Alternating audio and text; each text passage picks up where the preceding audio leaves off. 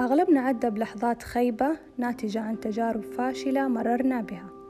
البعض منا بيكون قوي كفاية ليخرج منها بدرس وعبرة والبعض الآخر ممكن ينغمس فيها وتتطور معاه حتى يصل إلى مرحلة عالية من الاستسلام.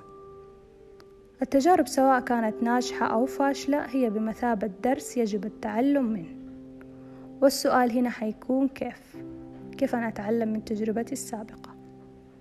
يعني لما أقدم على القيام بعمل وأمشي فيه خطوة بخطوة وآخر شيء ما يطلع بالشكل المطلوب وأقل ما يقال عنه إنه عمل فاشل هنا لازم ما أستسلم وأرجع أعيد الخطوات من جديد باتباع استراتيجيات مختلفة وخطوات أكثر تركيز يعني باختصار أتلاف أخطاء السابقة وأعمل على تحسينها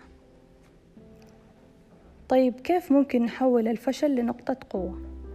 أي شيء أنا عملته أثر علي في حياتي رغم إنه فاشل وخاطئ حيكون زي التنبيه لي كل ما حخطي خطوة حيذكرني إنه لازم أعمل الشيء الفلاني بالطريقة الفلانية.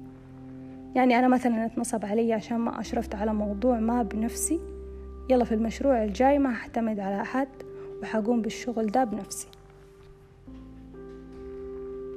في النهاية أي نقطة سلبية في حياتنا نقدر نحولها لأمر نستفيد منه.